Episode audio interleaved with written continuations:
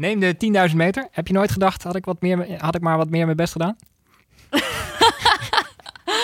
Ja, had ik wel wat meer best gedaan? Ja, dacht ik eigenlijk wel. Ja, ik dacht wel van, eh, heb ik iedere keer dat gat dichtgelopen en dan die laatste keer heb ik het gewoon niet gedaan. Waarom heb ik het niet gedaan?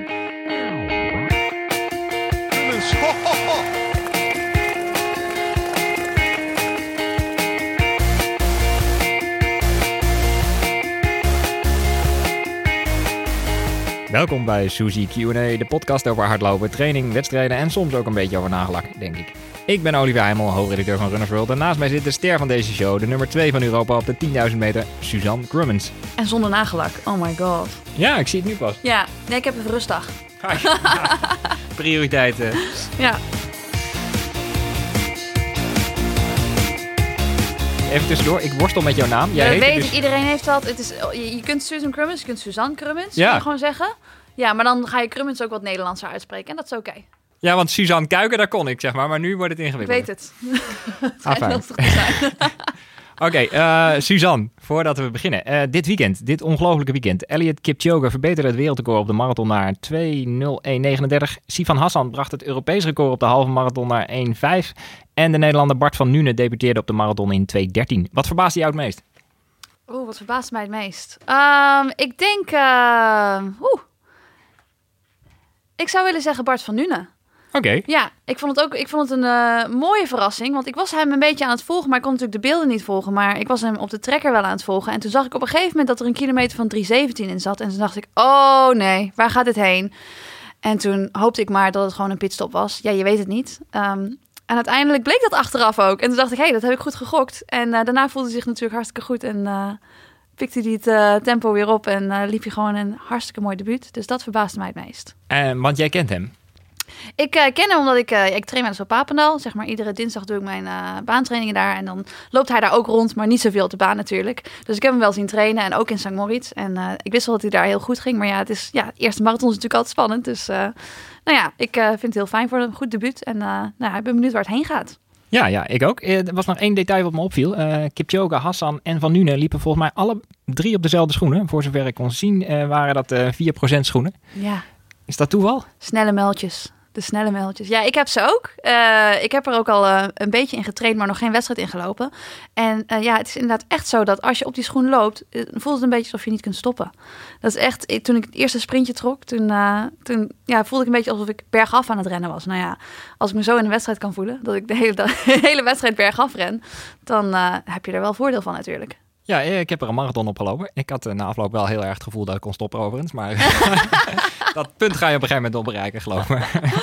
Ja, ik denk dat het helaas voor mij ook gaat komen, maar eh, ja, we gaan Loop je de, de damloop op komend weekend? Ja, uiteraard. Ja, kijk. Ja, ik had ze vorig jaar al. En eh, toen kreeg ik ze om de damloop in te lopen. En toen raakte ik natuurlijk geblesseerd.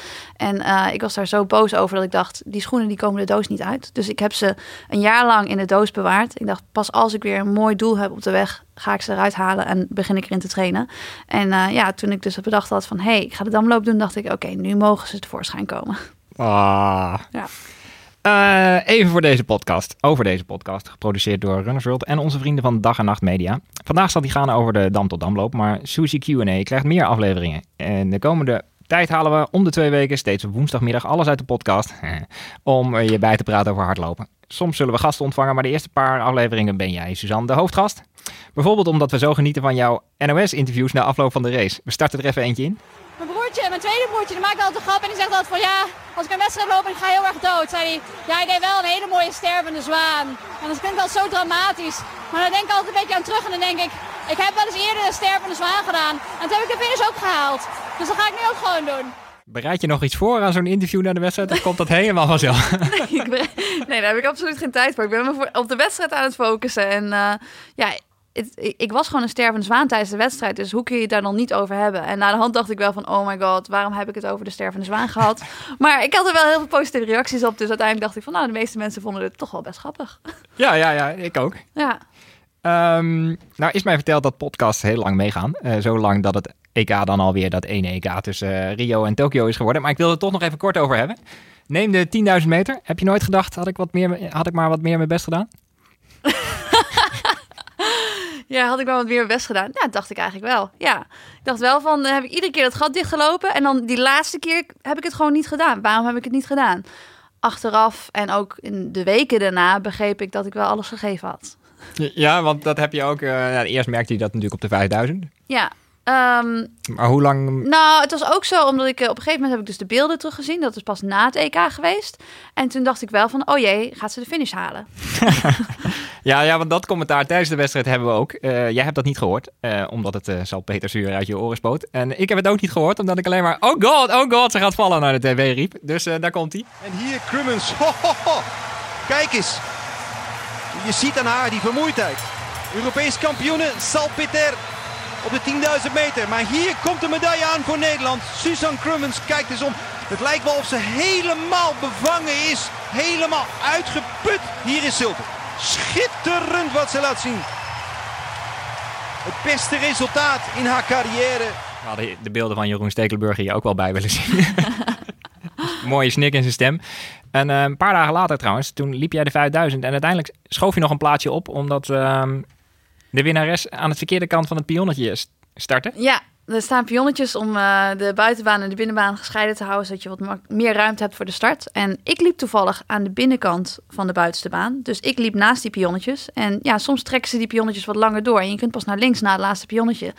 En eh, bij mij werd er ook behoorlijk vanaf de buitenkant naar binnen gedrukt. En ik dacht nog van niet naar links, niet naar links, niet voorbij dat pionnetje. Dus ik, heb, ik ben daar echt mee bezig geweest tijdens de wedstrijd. Zij dus helaas niet. En, eh, ja, Waar zag je het gebeuren? Ik zag het niet gebeuren, want ik was er veel te druk mee bezig om zelf niet te vroeg af te slaan. En ik moet zeggen dat er ook veel pionnetjes stonden en dat ik ook niks voor me zag, omdat er iemand vlak voor mij liep. Dus ik dacht van, oh kunnen we al? Oh nee, we kunnen nog niet. Oh kunnen we al? Nee, we kunnen nog steeds niet. Maar eh, ja, uiteindelijk ben ik inderdaad netjes na het, links, na het laatste pionnetje afge- afgeslagen naar links. Maar is het terecht zo'n disqualificatie of zie je veel ergere dingen gebeuren? Is het terecht? Nou, ik denk niet dat ze er heel veel eh, voordeel aan heeft gehad. En eh, ze, ze zat bijvoorbeeld eh, ja, best wel ver voor de, voor de volgende deelnemster. Dus ik denk niet dat die halve meter die ze heeft afgesneden daarbij heeft geholpen. Ehm, gebeuren er ergere dingen? Mm, nou, er is wel eens een elleboogje hier en daar. Er, wordt wel een beetje afgesneden. Dus ja, er gebeuren zeker ergere dingen die mensen expres doen om anderen te benadelen. Dus ik denk niet dat er iemand mee benadeeld heeft. Want uiteindelijk scheelde dit voor Maureen, dat heb ik nergens gelezen, maar nog één plekje ook. En die kwam toen net bij de eerste acht. Scheelt dat nog in je NOC-status of zo? Ik heb eerlijk gezegd geen idee of dat iets, of dat iets uitmaakt. Maar goed, ja, voor mezelf. eh Ja. Hoeveelste ben ik nu uiteindelijk geworden? Ik weet het niet eens. Ben ik nu 60 geworden? Eh, Jij mag het zeggen. vijfde denk ik. Ik, kijk even eerlijk naar, mijn, naar mijn secondant. Dat, is, dat is zeg maar hoe belangrijk ik het vind. Zeg maar voor mezelf. Je hebt een bepaalde prestatie geleverd. En in mijn hoofd zit zij nog steeds voor mij. Ja, dat vind ik dus heel irritant. Ik ben een enorme statisticus, dus normaal had ik dit geweten. Maar ik, ik begin tegen Laurens ten Dam ook altijd over hoeveelste die is geworden. Bijvoorbeeld in de Giro. Twee jaar achter elkaar, precies 33 plaatsen achter eh, Tom Dumoulin, of 32. Maar hij weet dat ook niet. Nee. Jij weet het ook al niet. Nee, je bent gewoon bezig met de prestatie en, en, en hoe je zeg maar het maximale eruit kunt halen. En eh, ja, voor mij was die vijf kilometer was gewoon niet goed genoeg. En daar was wel een verklaring voor. Maar eh, dan ga ik niet achteraf lopen juichen dat ik één plaats ben opgeschoven. Want ik heb dat zelf niet gedaan. Oké, nou. Eh, voor de statistische zekerheid. Je was tweede op de 10.000, dat weet ik helemaal zeker. Ehm, en dat kende een hele lange aanloop, waarin je ook heel lang niet kon lopen. Volgens mij was er een uh, oud-atleet die in november, toen je nog in een, eh, met een skischoen in het vliegtuig uit New York zat, tegen je zei, een gescheurde peesplaat, dat was voor mij eind carrière. Ja, dat was echt ontzettend, ontzettend subtiel. Robert Lathouwers, Robert Marathon eh, La- Lathouwers, die eh, vertelde mij dat. Hartstikke leuk. Ehm, toen zei hij van ja, toen, toen ik die blessure had, toen, eh, toen ik weer begon met lopen, ja, toen scheurde ik hem meteen het eerste loopje dat ik deed weer. dus nou ja, ik was al een beetje bang voor de, de hele terugkeer en, en hoe, hoe ik dat zou precies zou gaan doen. Maar toen was ik natuurlijk extra voorzichtig. Nou weet ik gelukkig dat ik eh, wat meer eh, beschikbaarheid had tot, tot de AltiG en aan andere middelen om langzaamaan weer te beginnen met lopen. En ik zou niet vanuit, vanuit de skischoen opeens een sprintje gaan trekken. Zo klonk het een beetje wel zoals Robert het erover had. Maar is er één moment dat je serieus hebt getwijfeld dat Brussel 2017 wel eens je laatste wedstrijd zou kunnen zijn? Nee. Oké.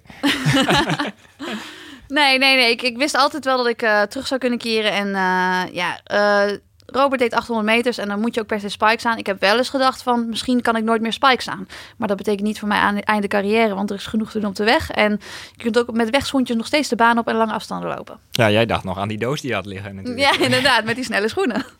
Ehm, Eh, Olivier, ik heb nog een, nu al, we zijn pas 10 minuten bezig en ik heb nu al een rectificatie voor je. Je zei net Jeroen Stekelenburg, maar eh, dat ho, ho, ho is toch typisch Leon de Haan in het commentaar. Eh, volgens mij is Leon Haan. Oh, shit. Ja, heb je. Ik ben geen kuiken meer, hè? Oh, het is tijd voor ons eerste segment, hoor ik. Ask Suzy. Stuur je vragen in naar, dat kan gewoon naar mijn e-mailadres. Dat is olivier.heimel, H-E-I-M-E-L, at hurst.nl. Ehm, Suzanne beantwoordt die dan hoogstpersoonlijk in de uitzending. En de eerste vragen zijn al binnen.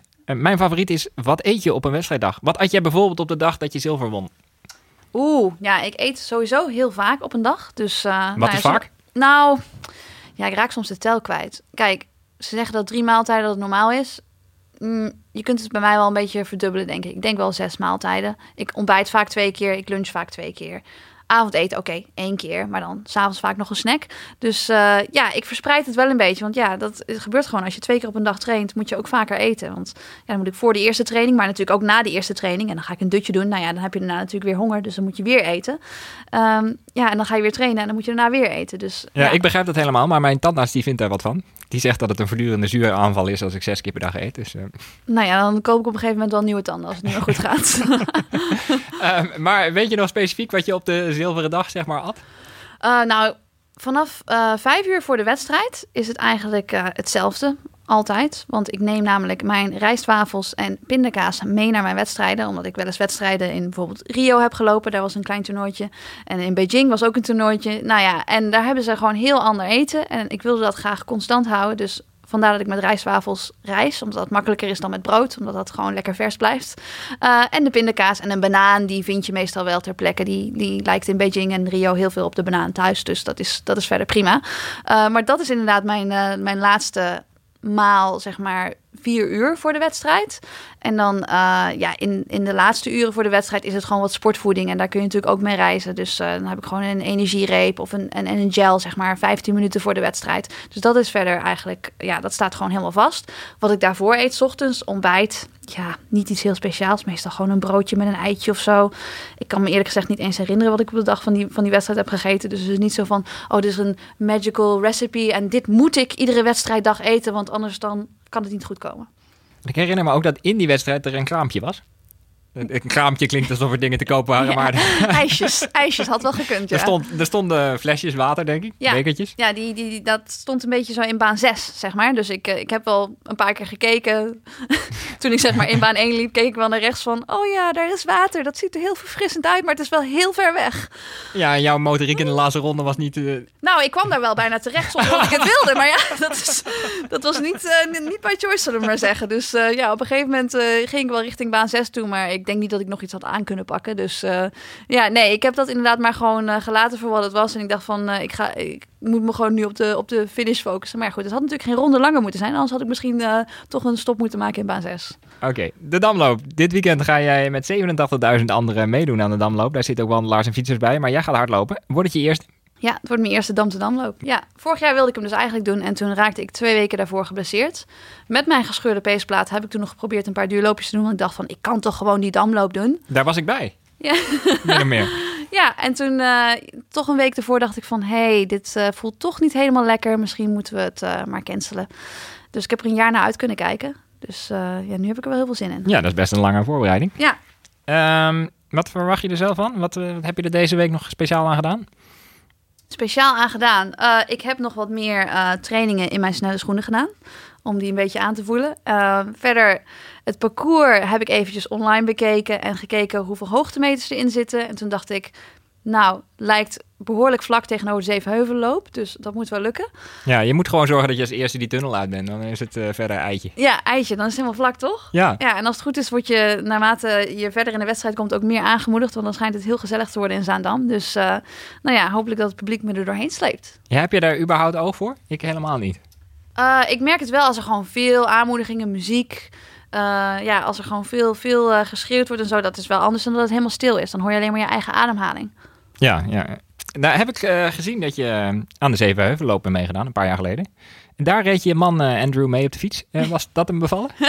ja, dat was mooi. Want toen waren we eigenlijk pas net naar Nederland verhuisd. En, en ik, ik voelde me een beetje schuldig. Dan haal je zo'n Australiër uit zo'n heerlijk warm klimaat en neem je mee naar Nederland. precies in de winter. En eh, hij had al wat trainingen met mij meegefietst waar hij het behoorlijk koud had gehad. Dus die ochtend eh, voor de Zeepheuvelloop ging ik loslopen s ochtends. En het was zo'n ontzettend slecht weer. Het regende, het was koud. En ik dacht, oh jee, dit, dit gaat wat worden vandaag. Want ik dacht van ja, ik ga rennen, dus ik ga het niet koud krijgen. Maar hij straks op de fiets. Dus ik sprak hem nog even voordat ik richting de start ging. En toen zei ik tegen hem, zorg ervoor dat je veel kleren aandoet. Op zijn minst twee jassen en handschoenen.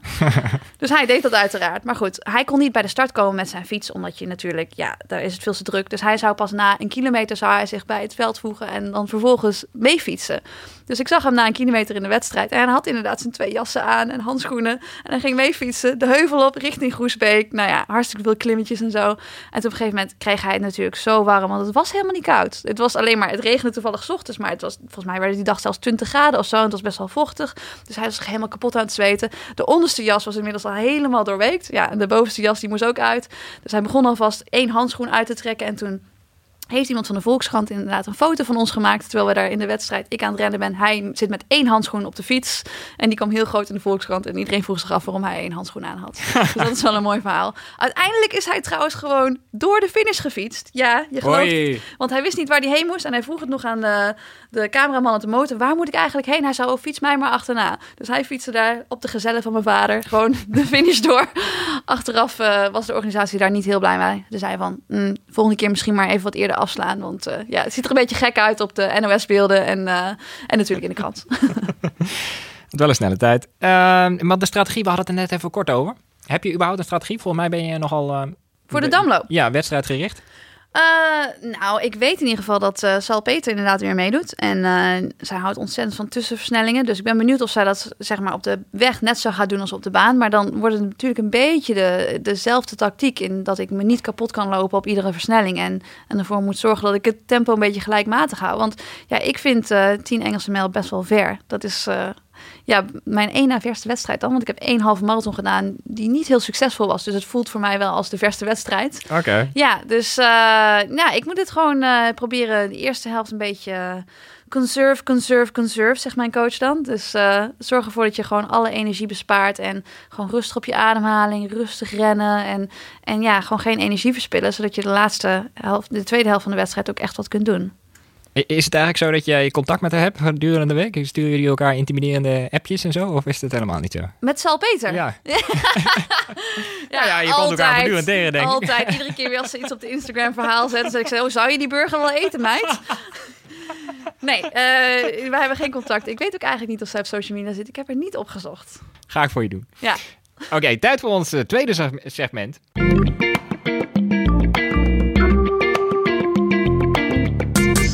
Het woord van de week. In uh, Runners World had je het laatst over een flat white. En wij gewoon laten staan natuurlijk. Wij laten ons niet kennen. Maar ik heb geen idee wat het is. Dus eh, wat is het? Ja, flat white. Ja, ik, ik maak die koffies niet. Ik bestel ze alleen. Oh, het is een koffie. Het is een koffie. het is sowieso een koffie. Ja, dat weet ik Ik wou niet. zeggen, ik maak die koffies niet. Ik bestel ze alleen en ik drink ze. Dus eh, hoe je precies een flat white moet maken, weet ik niet. Maar ik weet wel dat het lekker sterk is. Het is een soort van latte en dan iets sterker.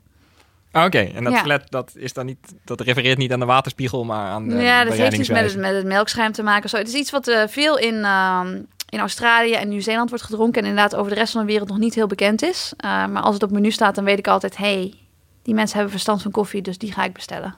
Nou, een kleine infomercial ook. Ehm, nog heel even terug naar de damloop. Stel, jouw tweelingbroer, die helemaal niet hard loopt, voor zover ik weet. Oh, jawel. Oh, sorry. stel jou, eh, nou, stel iemand anders die helemaal niet hard loopt. Nee, Wil- hij loopt helemaal niet hard. Wil volgend jaar de dam tot damloop lopen. Wat adviseer je hem dan?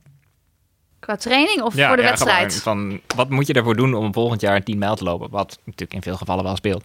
Ja, ehm, nou dan moet je in ieder geval wat trainingen gaan doen. En je moet wat duurtrainingen gaan doen, maar niet alleen duurtrainingen. Ik denk dat heel veel mensen die beginnen met joggen, dat die denken, oké, ja, als ik gewoon een paar keer de afstand van de damloop heb gelopen, dan kan ik hem ook hardlopen. Maar het is natuurlijk veel slimmer om wat te variëren met wat intervaltraining of een fartlek en zelfs misschien wat heuveltrainingjes.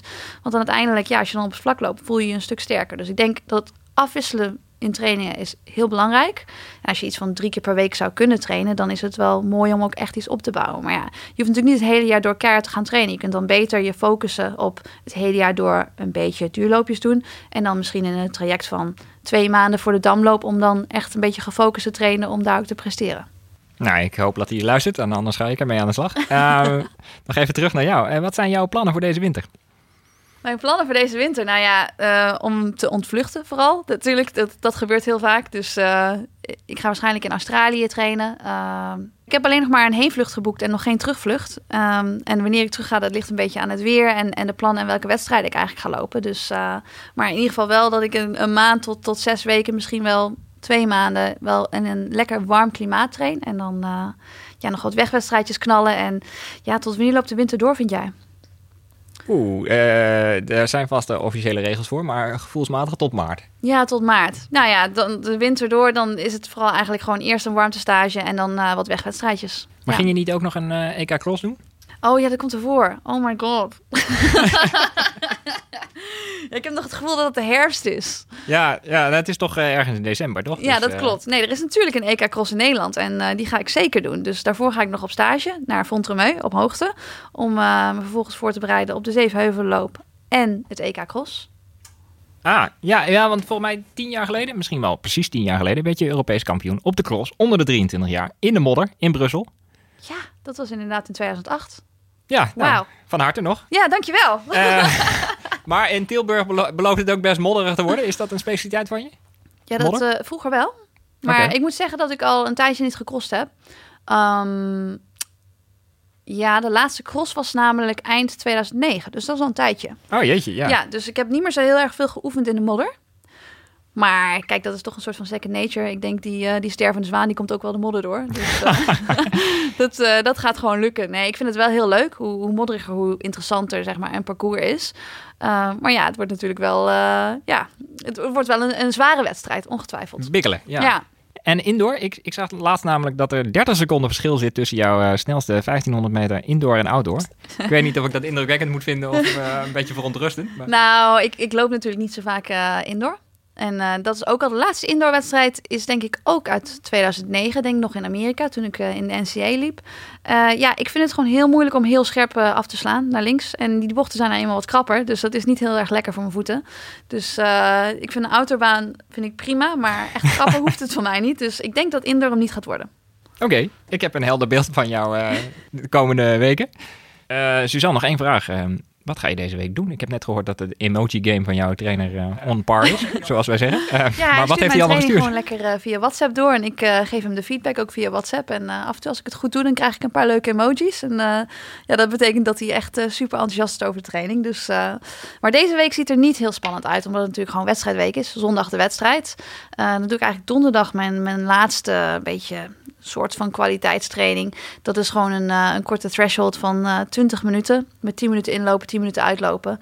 En een threshold, dat betekent dat ik dan uh, net onder het omslagpunt zit met mijn hartslag. Dus nou ja, gewoon een beetje lekker lopen en de beentjes een beetje loslopen. En iets sneller dan duurlooptempo. En is dat die baan waarvan jij zeker dacht te weten dat die 500 meter was, maar die toch iets korter bleek te zijn? Nee, daar heb ik gisteren getraind op Apendal. dat klopt. Die baan, die, ja, daarvan dachten wij dat als ik de lijn zou volgen, dat die te kort zou zijn. Dus ik ging iets naar buiten lopen. Um, zodat ik wat meer meters meepakte, zodat ik hem de, de reps echt lang genoeg liet zijn. Alleen, uh, ja, toen bleek het dat ik veel te ver had gelopen. En dat zag ik pas na de hand. Dus uh, ja, eigenlijk had ik een hele goede training gedraaid. Terwijl uh, ik op dat moment dacht dat ik de tijden niet kon lopen. Dus dat was een beetje jammer. Want ik, heb je dit allemaal naar je coach in Australië? Zo'n heel verhaal of? Uh, ja, maar dat was heel simpel, want ik kon hem gewoon uh, screenshot, screenshot sturen van, uh, van mijn splits. En toen zag hij wel van, dat ik qua tempo hard genoeg had gelopen. Alleen dat mijn mijlen, zeg maar 1600 metertjes stonden op programma, dat die bijna 1700 meter waren. Toen zei hij, ja, dat is wel een beetje ver voor een mijl. Heel goed. Oh, ja. Ik moest me de rest van mijn trainingsweek nog zeggen. Ja, ja zeker. Ja, dus inderdaad donderdag doe ik inderdaad die, uh, die, die threshold. Vrijdag dan ga ik gewoon lekker s ochtends 50 minuutjes rennen. Uh, vervolgens heb ik de persconferentie voor de Damloop natuurlijk. Uh, ja, en dan zaterdag een half uurtje loslopen. Misschien nog wat versnellingen in mijn snelle schoenen. En dan zondag Damloop. En als ik weer thuis ben, inpakken voor de vakantie. Want dan begint mijn rustweek. Oh, wat heerlijk. nou, ik heb ook een bijzondere week. Ik heb uh, gisteren Ellie Tjoke ontmoet. Die heeft zich dit weekend een beetje verbeterd. Waardoor we door nu gemiddeld hebben wij samen 2,24 staan op de marathon. Wauw, wat ja, een team. Wat een team. Ja, precies. en um, mijn trainingen, donderdag heb ik mijn enige rustdag. En vrijdag loop ik meestal met mijn uh, collega Imo. Die me dan uitlegt hoe het leven werkt. En uh, zaterdag doe ik tempo's. En zondag ga ik echt voor lang. Zoals ik nu inschat, echt meer dan 20. Wat voor mij dan behoorlijk lang is. En voor jou volgens mij ook. Wat is jouw langste duurloop normaal? Ja, dat is zeker lang. Ehm, mijn langste duur, mijn duurloop is eigenlijk altijd eh 90 minuten op zondag. En dan loop ik vaak een halve marathon. Vandaar dat ik een paar weken geleden ook gewoon besloot om bij een halve marathon mijn lange duurloop te doen. Alleen toen werd ik wel weer een beetje enthousiast van het publiek en liep ik weer veel te hard. Dus dat blijkt ook niet te werken. En dan zijn we potverdorie al aan het einde gekomen van deze eerste Suzy Q&A. De volgende keer gaan we het onder meer over eh, muziek hebben. En dat had ik jou nog niet verteld, denk ik. Ehm, en eh, rest mij nu om jou even te bedanken. Rock hem in Zaandam. Ik zal er niet bij zijn omdat ik deze week, eh, een week te laat, mijn eh, driejarig huwelijk, huwelijksjubileum ga vieren. Ah, Het is waar. We Ja. zijn allebei op dezelfde dag getrouwd. Ja, het is niet met elkaar op 16 september. Ehm, met deze kleine ontboezeming sluiten we af. Eh, deze podcast werd geproduceerd door Volkert Koehoorn van Dag en Nacht Media. Dank Volkert. Blijf luisteren en lopen.